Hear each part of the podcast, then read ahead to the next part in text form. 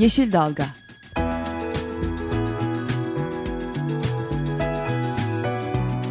Çevre mücadeleleri üzerine.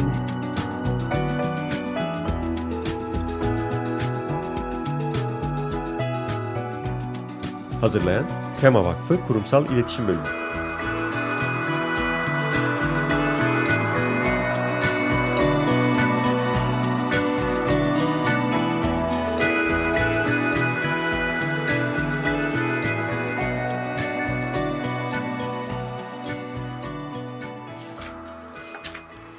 Herkese merhaba. Yeni bir Yeşil Dalga programında daha Kurumsal İletişim Çevre Politikaları bölümü olarak e, sizlerle birlikteyiz.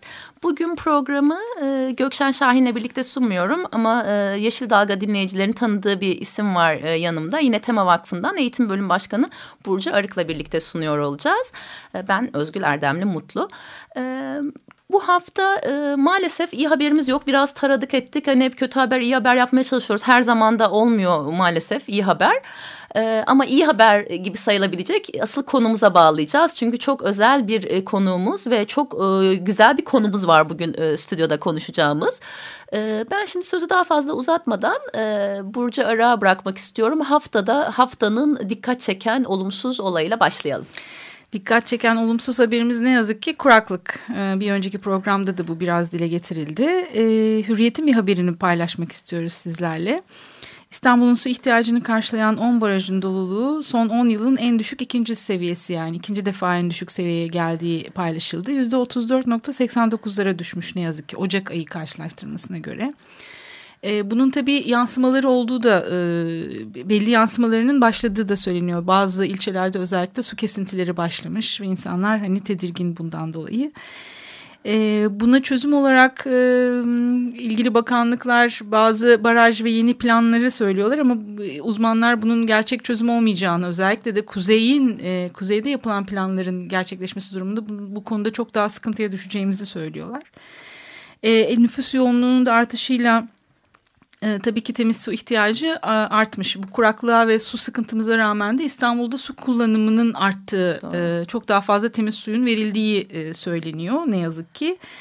E, Melen ve Yeşilçay imdada yetişti mi, yetişecek e, soruları da bizi endişelendiriyor doğrusu. Hani İstanbul odaklı düşünüyoruz. E, geçici olarak bu e, projeler bize belki su ihtiyacımızı karşılayacak ama bu o alanlar ve oradaki ormanlar ve ondan sonrası ne olacak? Bunlar da ne yazık ki açıkta kalan sorular Özgür. Aslında Burcu şey söylerken çok e, güzel bir nokta yani e, biz yeni e, Konya Karaman Karapınar'daydık tema vakfı olarak bu termik santralle ilgili olarak daha önce program yapmıştık. Onunla ilgili saha çalışması için e, bilim insanlarının da katkılarıyla bir üç günlük saha ziyaretlerimiz vardı. Orada maalesef yani İstanbul'da biz İstanbullular olarak hani çok e, alarma geçip büyük şehirlilerin dikkatini yeni yeni almaya başladı belki kuraklık sorunu barajlardaki su seviyesine düşmesiyle ama İç Anadolu'ya gittiğimizde genel olarak yani Anadolu'ya gittiğimizde de Ocak ayında bu kadar kuraklık olması ve bir yandan yağmur doğalarına çıkılıyor olması başlı başına hani iklim değişikliği dedin sözünün başında hakikaten başlı başına alarm verici bir şey. Bir de ormanlar dedin hani konuyu çok uzatmayacağız. Gelecek hafta inşallah bu konuyu daha detaylıca e, uzmanlarımızdan biriyle bilim insanlarından biriyle tartışıyor olacağız ama ormanlar demişken hakikaten yani şehirli insanın su ihtiyacı tabii ki önemli. Ama büyük şehirlere su getirmek e, diğer havzalardaki yakınlarımızdaki havzaların ötesinde farklı çözümler arayarak olmamalı. Bir de ormanlarımız tabii ki bu anlamda çok tabii önemli. Tabii ki su tutmak için çok önemli alanlar. Bir yandan nefes aldığımız, alnımızı sağlayan alanlar İstanbul gibi koskocaman bir metropol, metropolde. Bir yandan da suyu tutan, koruyan, temizleyen alanlar ormanlar ve onlarsız bir İstanbul'u hele ki yeni projeler gerçekleşirse nüfusun daha da artmasıyla şu anda bu sıkıntıyı yaşıyorsak yeni çözümler projeler getirilse bile çözüm olarak görmüyoruz biz tabii o e, projeleri. Onlar da ayrı sorunlara yol açacak yeni projeler aslında. Ee, ama ne yazık ki e, bunlar pek de düşünülmüyor, sorgulanmıyor. Bir şey geldi aklıma bu arada. Ee, yani bu hafta için e, geçen hafta duyduğum, öğrendiğim bir şeydi. Hakikaten ne kadar güzel bir laf. Yağmurun doğası ormandır evet, diye bir halk arasında evet. deyiş varmış. Hakikaten ne kadar çok derin güzel, ve ne kadar derin. anlamlı. Evet bu derinliğe yaşayan insanlara çok ihtiyacımız var ve bugün de konuşacağımız konulardan bir tanesi bu derinliğe sahip müthiş bir insanın bir yayını e, ve bu yayını e, Türkçemize çeviren bir konuğumuz var e, şu anda. Özgül ben sana vereyim burada konuğumuzu tamam. tanıtmak için biraz daha. Evet çok güzel bir giriş yaptım Burcu'cum. Bizlerin de şahsen tanıma e, e, ayrıcalığına sahip olduğumuz e, çok uzun bir süredir de Tema Vakfı'na da ayrıyeten gönüllü destek veren insanlardan bir tanesi bilim insanı e, doçent doktor Ufuk Özdağ konuğumuz olacak. Kendisi Hacettepe Üniversitesi Amerikan Kültürü ve Edebiyatı bölümünde öğretim üyesi. Ufuk hocamız e, baş, Ufuk hocamızın başlıca araştırma alanları doğa edebiyatı ve çevreci eleştiri ile edebiyat ve çevre üzerine disiplinler arası çalışmalar. Dolayısıyla buradaki bu kesişim e, bizim e, vakıf olarak da çok ilgimizi çeken konuların başında geliyordu. Onun için de hocamızla da güzel çalışmalar yaptık geçmişte.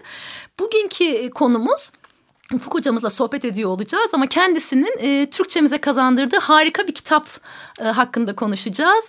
E, çevre koruma alanında olanların genel olarak bu çok yakından tanıdığı, yakın zamanda da belgesel gösterimini gene vakıf olarak e, Hacettepe Üniversitesi'nin işbirliğiyle yaptığımız e, Aldo Leopold'un e, bir yayını Ascent County Almanak'ı Türkçemize kazandırdı. Onunla ilgili konuşuyor olacağız. Çok özür diliyorum e, dinleyicilerimizden. E, ben sana söz evet, bırakıyorum. Evet evet burada eğer e, konumuza bağlanırsak e, Ufuk Hanım'a hemen e, yayını alalım ve o bize bu değerli yayını tanıtsın. Ufuk Hocam merhaba nasılsınız? E, merhabalar, teşekkür ediyorum. Sizler nasılsınız? Çok teşekkür ediyoruz. Bu yayın için de ayrıca teşekkür ediyoruz. Önce... E, Hocam çok ge hoş geldiniz yayınımıza. E, beni programınıza davet ettiğiniz için çok teşekkür ediyorum. Hocam e, biz sizi kısaca yani e, kısa bir program sırasında tanıtmak, bütün çalışmalarınızdan bahsetmek mümkün değil ama çok kısa bir şekilde e, sizi tanıttık. Ama aslında siz de dediniz ki beni çok fazla tanıtmakla şey yapmayın, konuya odaklanalım dediğiniz için ben hemen e, kum yöresi almanağına e, almanağıyla ilgili ilk sorumu sormak istiyorum. Hocam bu bir kum yöresi almanağıyla nasıl tanıştınız ve neden dilimize çevirmek istediniz? Benim araştırma alanım edebiyatta çevre konularıdır. Bir edebiyatçı olarak e, bu konulara yönelmemi şöyle özetleyebilirim. Doğanın bozulması, yaban hayatının hiçe sayılması, denizlerimizin kirletilmesi, balıklarımızın tükenmesi, sulak alanlarımızın kurutulmuş olması. Bütün bunlar beni derinden üzüyor. Kendimi bildim bileli üzülüyorum. Ben e, eşsiz doğamızın, yaban hayatının başına gelenleri bir türlü kabullenemiyorum.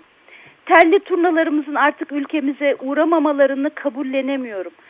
Ama biz böyle düşünenler, yani bu duygular içinde olanlar maalesef hala azınlıktayız. Leopold da böyle başlıyor Alman'a. Daha ilk cümlede şöyle diyor. Kimileri yaban hayata hiç ihtiyaç duymadan yaşamını sürdürebilir. Kimileri de onsuz yapamaz. Bu yazılar onsuz yaşayamayan birinin aldığı hazları ve içine girdiği çıkmazları anlatıyor diyor. Doğamızın, topraklarımızın, sularımızın geçmişten günümüze böylesine tahrip edilmiş olmasına duyduğum tepki e, benim araştırma alanımı da doğal olarak etkiledi. Uzun bir süredir doğa yazarlarını, çevre temaları içeren eserleri inceliyorum. Üniversitemde edebiyatta çevre dersleri açıyorum. E, batı'da çevre konusunda duyarlılık yaratmada doğa yazarlarının olağanüstü etkili olduklarını gördüm. Bu yazarlar doğa algımızda gerçekten kalıcı bir etki yaratıyorlar. Bu şekilde de Amerikalı doğa yazarı, ekolog, eğitimci Leopold'un kitabıyla, Almanak'la tanıştım. Doğa... Ascent County Almanak. Evet hocam çok teşekkür ediyoruz. Bu doğa algısını biraz daha açmanızı rica edebilir miyiz? Ee, o, o, tamam e, hemen geleceğim o konuya da. Şimdi milyonlarca okurla buluşmuş bir kitap bu. Ascent County Almanak. Bir kum yöresi almanı. Kitap ilk kez 1949 yılında yayımlanmış ve gittikçe büyüyen bir ilgi olmuş Alman'a. Muazzam bir etki yaratmış okurlar üzerinde. Şimdi de doğa koruma klasiği ve modern çevre hareketinin temel kitabı olarak biliniyor Amerika'da. Yazarın mirasının da ne kadar değerli olduğunu gördüm ve kitabı dilimize kazandırmak için gerçekten büyük bir heyecan duydum. Hocam 64 yıl sonra biz size öncelikle yani bir e, Türk okur olarak teşekkür etmek istiyoruz. Yani hakikaten dünyada e, yön veren, bu alanlarda çalışmalara yön veren bir kitaptan, bir almanaktan bahsediyoruz. Dilimize çevrilmesi için 64 yıl beklemişiz. Çok sağ olun hocam, emeklerinize sağlık. Ne iyi ettiniz de uğraştınız bu kitabı ve Türk okuruna e, e, hediye etmiş oldunuz. E, kitabı çevirmekteki e, temel düşüncem ülkemizde tabiri caizse 7'den 70'e herkesin ve özellikle gençlerin, yeni nesillerin e, kitabı okuması ve bu mirasa sahip çıkması. Çünkü topraklarımızın ve geriye yabanıl doğadan ne kaldıysa bu alanların, yaban hayatının, denizlerimizin, sularımızın geleceği gençlere emanet. Şu an çevreci bir gençlik zaten var. Bu kitabın var olan çevreci hareketi güçlendirmeye katkı sağlamasını istedim. Almanak gerçekten bir mucize. Doğa algısı yaratıyor. Yalnız e, şunu da vurgulamak istiyorum. E, bir ülkenin gelişmesi, kalkınması bunlara karşı değil bu kitap. Bir taraftan kalkınma gerçekleşirken doğal alanlara, ekosistemlere, floraya, faunaya zarar verecek şiddette eylemler olmasın diye bir uyarıda bulunuyor. Doğanın hakları her zaman ön planda olsun diyor. Türlerin devamını tehdit edecek, ormanları yok edecek, doğa haklarını tehdit edecek her eylem kınansın diyor. Yani bir yerde fedakarlık yapılmasını istiyor e, Almanak. Bir anlamda da hocam bölüyorum kusura bakmayın ama daha dün biz bir, bir toplantıda Burcu'yla beraber ve e, Tema Vakfı'nın diğer e, yöneticileri ve çalışanları bir toplantımız vardı. Orada yine konuştuğumuz bir konuydu. Hani e, kalkınma evet kalkınmaya karşı değil kar, kar, karşı olma konusu yok ama bir yandan da bizim de vakıf olarak aslında e, altını çizdiğimiz konulardan biri değil mi Burcu'cum? Yani sürdürülebilir yaşam. yaşam. Aynı anda Kora gibi söyledik ama hakikaten sizin de tam parantezi açtığınızda Aldo Leopold'un da söylediği de aslında geldiğimiz noktada sürdürülebilir yaşama odaklanmak, sürdürülebilir kalkınma değil, onun ötesine geçebilmek belki de. Evet, evet. Evet e, ve e, bu doğa algısı e, yaratıyor dedim. Ama şimdi önce bir Leopold kim? Bunu bir kısaca söylemek istiyorum. Bir kere çağının ötesinde bir düşünür. Daha çevrecilik diye bir şey yokken çevreci. 20. Ee, yüzyılda çevre etiği ve felsefesi alanlarında en etkili düşünürlerden biri olarak kabul ediliyor. Toprakların, doğal alanların korunmasına, doğadaki türlerin koruma altına alınmasına yönelik önemli çalışmaları olmuş. Leopold'un doğa koruma tarihini derinden etkilemiş 40 yıllık bir kariyeri var. Yale Üniversitesi'nde ormancılık eğitimi almış. Yaban hayatı yönetiminin bir meslek dalı olarak kurulmasında başrolü oynamış. Wisconsin Üniversitesi'nin bu alanda ilk profesörü olarak uzun yıllar görev yapmış. Ama Leopold bunlarla değil de Amerika'da ve dünyada bir kum yöresi Almanlığının yazarı olarak e, tanınmış. Bu kitapta yer alan yazıların dünyanın dört bir yanındaki okurlara hitap ediyor olması da onun mesajının evrenselliğinin de bir kanıtı aslında. Yaşadığı, kendi yaşadığı dönemde Amerika'nın özellikle güneybatısında müthiş bir çevre kıyımı var. Yaban hayatı, kuşlar, av hayvanları kontrolsüz avcılıkla yok ediliyor. Tarım arazileri açmak için sulak alanlar kurutuluyor. Ne Ve, kadar e, Türkiye ile de alakalı şeyler hocam yani Amerika demeseniz baş kısmında. Evet, evet aynen öyle bizim ülkemiz gibi. Ve Leopold daha çocuk denecek yaştayken bundan çok etkileniyor bu doğa kıyımından. Daha sonra bu gidişata bir dur demek istiyor. İşte Almanak bu noktada önem kazanıyor. Esasen kendisi bir ekolog. E, alanıyla ilgili bilimsel yayınlar yapıyor ama amacı sokaktaki insanı çevreci yapmak. İşte bunun için e, bilimi popülerleştirmeye başlıyor. Yani bilimi etik ve estetikle harmanlıyor. Hem akla hem de duygulara hitap edecek yazılar yazmaya başlıyor. Almanak daha sonra bu yazıları bir araya topladığı kitaptır esasen. Doğanın bir ekoloğun gözüyle incelenmesidir. Yani burada esasen bilim konuşuyor. Ancak bir şairin kalemiyle yazılmış. Yani kalpten yazılmış doğa gözlemleri bunlar ekolog bir şairin kalemiyle bizler de ekolojik okur yazar oluyoruz. Evet bu çok önemli bir noktaya değindiniz. Ekolojik okur yazarlığı da bir hatırlatalım. Daha önce programını yapmıştık isterseniz. E, bu konuda Tema Vakfı'nın da siz değerli hocalarımızın da katkısıyla e, önemli eğitim çalışmaları, programları oluyor.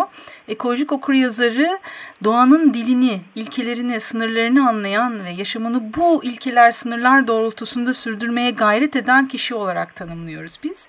Burada yine Aldo Leopold'un çok önemli e, bir özelliğini bu kitapla e, müsaadenizle paylaşayım. O da e, o kadar önemsiyor ki bu bireye inmeyi. E, bunu da yine söylediğiniz gibi şairane bir şekilde yapıyor. Yaparken de şunu söylüyor. Bazı şeyleri değiştirmenin zamanı geldi ve buna kendi hayatımda yaptığım değişiklikleri anlatarak paylaşıyorum. E, bu da çok çok önemli.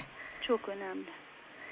Hocam peki... E... O doğa algısı e, nasıl Evet, yaratıyor tam onu e, soracaktım. sorunuz olmuştu. Ben onunla ilgili de bir iki şey söylemek istiyorum.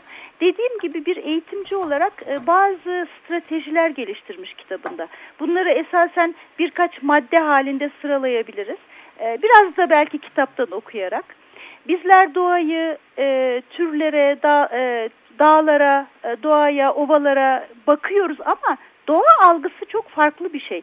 Bakın Leopold Kırların Doğum Günü başlıklı yazısında e, şöyle söylüyor.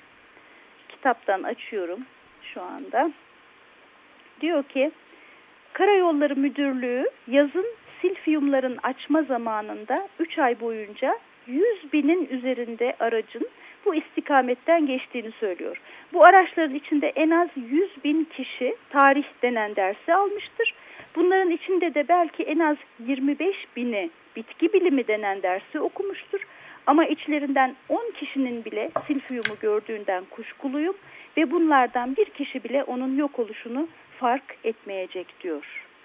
Ee, Yani doğa algısı yaratmak için e, o halde e, bazı anlatım yöntemleri, bazı e, anlatım teknikleri geliştirmeyi ön plana alıyor. Bunları şöyle sıralayabilirim ben. Mesela doğada gördüklerini merak ediyor ve sorular soruyor. Bitke, bitmek tükenmek bilmeyen bir merak. Hep meraklı sorular sorduğunu okuyoruz bu kitapta. Sonra doğa tarihini biliyor. Örneğin bir ağaç kütüğünde dahi doğa tarihini okuyabiliyor. Daha e, başka e, doğaya bakarak mevsimsel değişimleri gözleyebiliyor. E, hangi çiçek ne zaman çiçek açar, ka- kazlar ne zaman göç eder bunları biliyor. Doğayı dinliyor. Örneğin çıkardıkları cıvıltıdan civarda hangi kuşlar var bunu biliyor. E, doğada gördüklerini sayıyor, ölçüyor. Örneğin e, 65.290 başlıklı bir yazı var. Bunlar halkaladığı kuşlara verdiği numaralar aslında. E, doğayla, canlılarla empati kuruyor, onları kişileştiriyor, ekolojik süreçleri anlatıyor. E, bunun için belki bir başka program lazım. E, çok e, önemli bu özellikle eko, ekolojik süreçleri anlattığı bölümler kitabın. Neticede güzellikleri görmeye başlıyoruz. Yani sadece göze hoş gelen peyzajları değil, estetik olmayan yerleri, yerleri de. Örneğin bataklıklar birdenbire değer kazanıyor gözümüzde. E, ve e, Leopold gibi toprağın doktoru olmak istiyoruz hepimiz. E, eğer vaktimiz var varsa kısa bir bölüm ben okumak isterim kitaptan. Hocam- Güvercine Anıt. Ee, Ondan önce bir şarkı arası verebilir miyiz e, müsaadenizle? Onun hemen arkasından Güvercin Anıt'ı dinleyelim isterseniz. Bu da sizin e, bize önerinizdi. E, şimdi e, sizin de dile getirdiğiniz turnaları dinleyelim isterseniz. Yavuz Bingöl'den arkasından tekrar hocamıza bağlanacağız. Çok teşekkür ediyorum.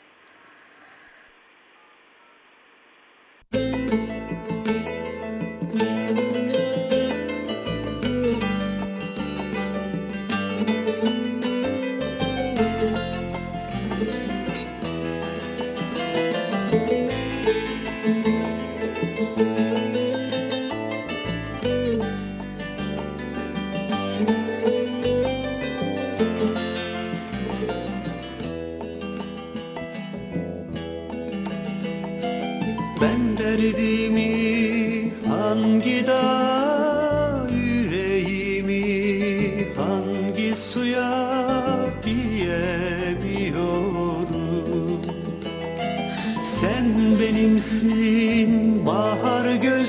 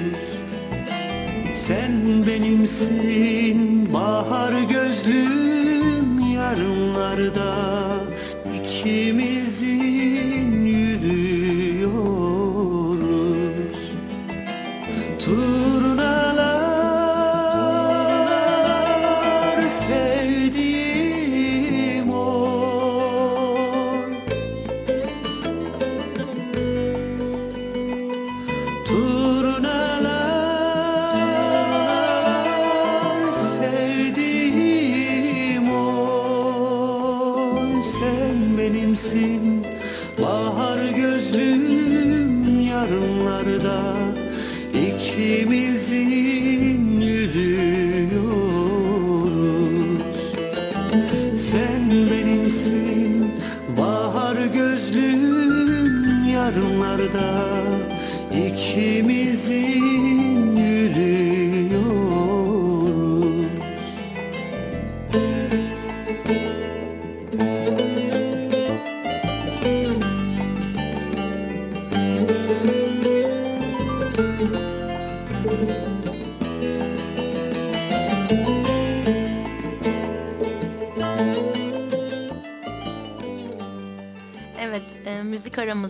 Yavuz Bingöl'den turnaları dinledik. E, Ufuk hocamızın isteğiydi. E, konumuzla da e, gayet e, ilgili e, bir, bir şarkı olmuş oldu. Hocam tam aradan önce e, kitaptan bir çevirdiğiniz bir kısmı paylaşıyordunuz bizimle. İsterseniz onunla devam edelim. Evet e, bu güvercine anıt başlıklı bölüm. Amerika'da bir zamanlar sayıları milyonlarca olan yolcu güvercinler aşırı avcılıkla yok edilmiş ve bir e, milli parkta e, Wisconsin Ornitoloji Derneği tarafından bir anıt dikilmiş. Yolcu güvercin anıtı ve bu anıtı işte şöyle anlatıyor. Diyor ki yok olup gitmiş bir türü yad etmek için ona bir anıt diktik. Bu anıt bizim kederimizi simgeliyor. Yolcu güvercinler kitaplarda ve müzelerde yer almasına her zaman yer alacak. Fakat onlar insanın bütün güç anlarına, bütün keyifli anlarına duyarsız, cansız kuklalardan ve resimlerden ibaret olacak. Kitap güvercinleri bulutları yarıp gelip bir geyiği gezindiği yerlerden kaçıramaz ki. Ya da upuzun ağaçlarla dolu ormanları kanatlarıyla alkış tufanına boğamaz ki. Kitap güvercinleri Minnesota'nın yeni biçilmiş buğday tarlalarında kahvaltısını yapamaz. Kanada'nın böğürtlenleriyle akşam yemeğini yiyemez ki. Onlar mevsimlerin dürtüsünü bilemez. Güneşin öpücüklerini, rüzgarın ve havanın kamçısını hissedemez ki. Onlar sonsuza kadar var olurlar ama hiç mi hiç yaşamadan. Hocam tüylerimizi diken Evet, diken ettiniz hocam ya. gerçekten. Ee, biz de hani böyle şeyler yaşıyoruz ve e, sizin de belirttiğiniz gibi turnaların da turnalar için de bunu söylememek için e, önemli mücadeleler vermeye çalışıyoruz. Keza toprağımız için de. Ee, biz e, sizden bir de Aldo Leopold'un çok iyi tanındığı, bilindiği, bizim de dile getirdiğimiz sıklıkla e, toprak etiği anlayışından da söz etmek istiyoruz. Bize bunu ve Leopold'un yaklaşımını da anlatır mısınız? Tabii. Ee, evet bir kum yöresi Almanı eşittir toprak etiği aslında. Ee, bu kitabın son yazısıdır ve e, 14 yılda kaleme almış bu yazıyı, e, bu kavramı Leopold. Ee, Almanın aslında iki önemli özelliği var. Birincisi bu toprak etiği yazısı. Ee, kısacası toprak etiği şu demek, toprağı bir mülk olarak görmeyelim, ait olduğumuz bir topluluk olarak görelim diyor. İşte ancak o zaman toprağı sevgi ve saygıyla kullanmaya başlayacağız diyor. Ben bu düşünceden çok e, etkilendim. 2005 yılında Edebiyat ve Toprak Etiği başlıklı kitabımı yayımladım.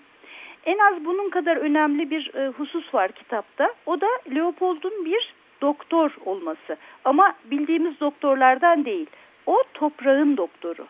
Yani günümüzde Leopold'un adı hastalanmış, bozulmuş, ero- erozyona uğramış toprakların onarılması, yenilenmesi, iyileştirilmesi ile anılıyor. Sağlıklı topraklar yaratmak için ve bunu teşvik etmek için aslında bir ömür boyu mücadele vermiş. Ee, 1998'de 6. Dünya Yabanıl Alanlar Kongresi'nin delegeleri 21. yüzyılın yeryüzünü onarma yüzyılı olarak ilan edilmesini istediler. İşte bu temelde Leopold'un mirasıdır. Dayanışma içinde toplumun tüm kesimleri yaşadıkları bölgede bozulmuş alanları onarsınlar diyor. Kendisi 1930'lu yıllarda Wisconsin'de Coon Vadisi Havzası'nın o bölgede 7'den 70'e herkesi ikna ederek ve onları bir araya getirerek onarımında büyük bir e, rol oynamış. E, kendi özel yaşamında da benzer bir onarım çalışması yapmış. Madison'da büyükçe bir arazi satın almış. E, toprakları bozuk kumlu bir arazi. Bu araziye 13 yılda eşi ve 5 çocuğu ile birlikte 48 bin ağaç dikmişler. E, bu arazi Şek diye biliniyor günümüzde ve orası ziyaretçi akınına uğruyor. E, bir vakıf var orada Aldo Leopold Vakfı. E, vakfın A sayfasını ziyaret etmenizi öneririm. Çok önemli işler yapıyorlar. Sağlıklı topraklar yaratmak adına toprağın onarımı işinin içine sokaktaki insanları çekiyorlar. Buna ilgi uyandırıyorlar. E, isterseniz ben kitaptan yine bir bölüm okumak isterim e, e, eğer vaktimiz varsa. Hocam e, vaktimiz çok az kaldı. Beş dakika kaldı. Onun için tamam. e, isterseniz o, okumak istediğiniz bölümün sayfasını söyleyelim. Biz e, birazdan ben kitabın nereden elde edebileceğini de dinleyicilerimizle paylaşacağım. Hani e, kesmek de istemiyorum ama son beş dakikada söylemek isteyeceğiniz başka konularda olabilir diye. Demin planladığınız bölümü adını tamam, söylerseniz ben, onu paylaşmış e, Karlar üzerinde çamlar. Karlar üzerinde Sayfa çamlar. 83, evet. Tamam. Karlar üzerinde çamlar. Ee, evet. Kitabı hem de böylece biraz merak uyandırmış olalım hocam. evet, çok güzel tabii.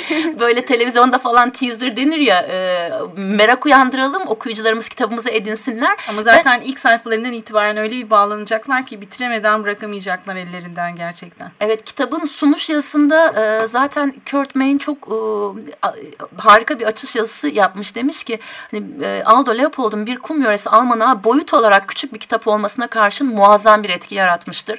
Dinleyicilerimize bu muazzam etki yaratan bu kitabı edinmelerini tavsiye ediyoruz. Değerli hocamız doçent doktor e, Ufuk Özdağ'ın Özdağ'ın çevirisiyle e, Türkçemize kazandırıldı. E, kitabı Hacettepe Üniversitesi yayınları bastı. Nereden elde edebilirsiniz kitabı? Ee, Ankara'daysanız Hacettepe Üniversitesi Kitap Satış Ofisi'ne gidebilirsiniz. Ee, şehir dışında, Ankara dışındakiler için ise 0312 305 1487'yi arayarak e, talep ed e, e, edilebilir. Hatırlatmak istiyorum sadece bin adet basılmış ilk baskısı. Evet. Ben eminim ki bu kitabın e, meraklıları çok olacağından e, yakın zamanda tükenecektir. tükenecektir. Onun için e, elinizi çabuk tutun diyorum. Ta 1949 yılında ilk baskısı Oxford Üniversitesi e, yayınları olarak basılan bu kitabı Hacettepe Üniversitesi'nde e, yayın olarak kazandırması, değerli hocamızın çevirisiyle kazandırdığı için biz hem üniversitemize, Hacettepe Üniversitemize teşekkür ediyoruz. Hem hocamızın o titizlikle uzun zaman üzerinde böyle e, titizlikle uğraştığı ve güzel Türkçesiyle e, dilimize kazandırdığı için de ayrıca bir okur olarak teşekkür etmek istiyorum. Hocam bu noktada size tekrar dönelim. E, son sözünüzü alabilir miyiz? Bize ee, ne söylemek istersiniz? E, ben üniversitemin, e, Hacettepe Üniversitesi'nin değerli yöneticilerine ve Hacettepe Üniversitesi yayınlarına çok teşekkür ediyorum. Almanak'a verdikleri büyük destekten dolayı. Hacettepe Üniversitesi'nin Beytepe yerleşkesinde e, çok yeşil, çok güzel bir yerleşke burası. Çevre adına büyük adımlar atılıyor. En son e, rektörlüğümüz geyik çıkabilir trafik levhaları yerleştirdiler. E, henüz geyik yok ama ama bu trafik levhaları geyikleri geri getirecek yerleşkeye. Tema Vakfı'na ve Tema Vakfı'nın siz değerli yöneticilerine çok teşekkür ediyorum. Almanaka ve Leopold belgeseli Yeşil Alev'e verdiğiniz büyük destekler için. 2012 e, Mayıs ayında Hacettepe Üniversitesi ve Tema Vakfı işbirliğiyle bu Emmy ödüllü filmin Türkiye premierini e, gerçekleştirdik Beytepe yerleşkesinde. Tema Vakfı kurucusu Kurucu Onur Başkanı Sayın Hayrettin Karaca'ya şükranlarımı sunuyorum. Almanak'ın arka kapağına çok değerli bir cümle lütfettiler. E, merkezi Wisconsin'de bulunan Aldo Leopold Vakfı'na çok teşekkür ediyorum. E, çevirime başlamadan önce beni vakıfta bir ay süresince misafir ettiler ve Leopold'un esinlendiği toprakları yakından incelememi sağladılar. Bu arada vakfın A sayfasında Alman'ın e, bir çevre eğitimi malzemesi olarak nasıl kullanılacağına dair çok zengin materyaller var. E, ve son olarak da Almanak bütün okullarımızda okutulsun diyorum. Bunu ülke topraklarımızın, doğal alanlarımızın, yaban hayatının geleceği için arzu ediyorum. Okullarda dersin adında çevre olması gerekmiyor. Fen bilgisi, edebiyat derslerinde, coğrafya veya biyoloji derslerinde öğretmenlerimiz Almanı yardımcı ders malzemesi olarak kullanabilirler. Teşekkür ederiz hocam. Çok çok sağ olun. Ee, yani Almanak dünyanın öbür ucundaki toprakları anlatıyor ama esasen evrensel bir toprak anlayışıyla yazılmış e, bu kitap. E, kitabın mesajı ülkemizde yeni yeni disiplinler ve meslek gruplarını teşvik edecek. Örneğin çevre tarihçisi, yabanıl alanlar avukatı, yaban hayatı biyoloğu, ee, Hocam toplum... sizinle sohbet çok tatlı. Kusura bakmayın sadece teknik masada oturan arkadaşıma da hak veriyorum. Bizden sonra başka bir yayın daha var. Sözünüzü çok özür dileyerek. Son cümlemi söyleyeyim Peki, o zaman. Peki buyurun hocam. Ee, dünyanın neresinden olursanız olun kendi ülkenizin topraklarını görmeye başlıyorsunuz bu kitapla. Benim gibi sizler gibi doğanın bozulmasına üzülenler, telli turnalarımıza üzülenler bu kitabı okusunlar ve çevrelerine tavsiye etsinler arzu ediyorum. Çünkü Atatürk'ün dediği gibi ve Sayın Hayrettin Karaca'nın sık sık vurguladığı gibi vatan toprağı kutsaldır. Kaderine terk edilemez. Çok teşekkür Çok ediyoruz teşekkür hocam. ediyoruz hocam. Değerli paylaşımınız için. Bunun üzerine bir şey söylemeye gerek yok zaten. Hocamıza teşekkür ediyoruz. Hayrettin Karaca'nın diğer bir sözüyle tamamlamak istiyoruz. Aldo Leopold dedik. Bizim sınırlarımızın da ünlü yaptıklarıyla sınırları aşan değerli büyüğümüz, onursal başkanımız Hayrettin Karaca. İşte bu almanak için toprağı bizim de ait olduğumuz bir topluluk olarak görmek. İşte ben bir kum yöresi almanağının bu evrensel mesajını sevdim diyor. Onu da paylaşarak hoşçakalın diyoruz. Yeşil Dalga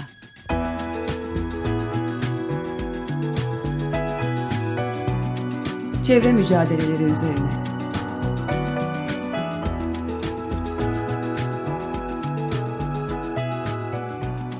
Hazırlayan Tema Vakfı Kurumsal İletişim Bölümü.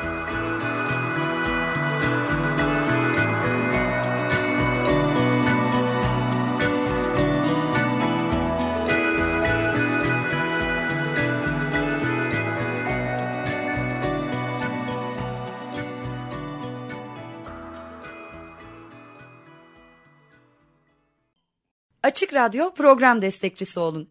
Bir veya daha fazla programa destek olmak için 212 alan koduyla 343 41 41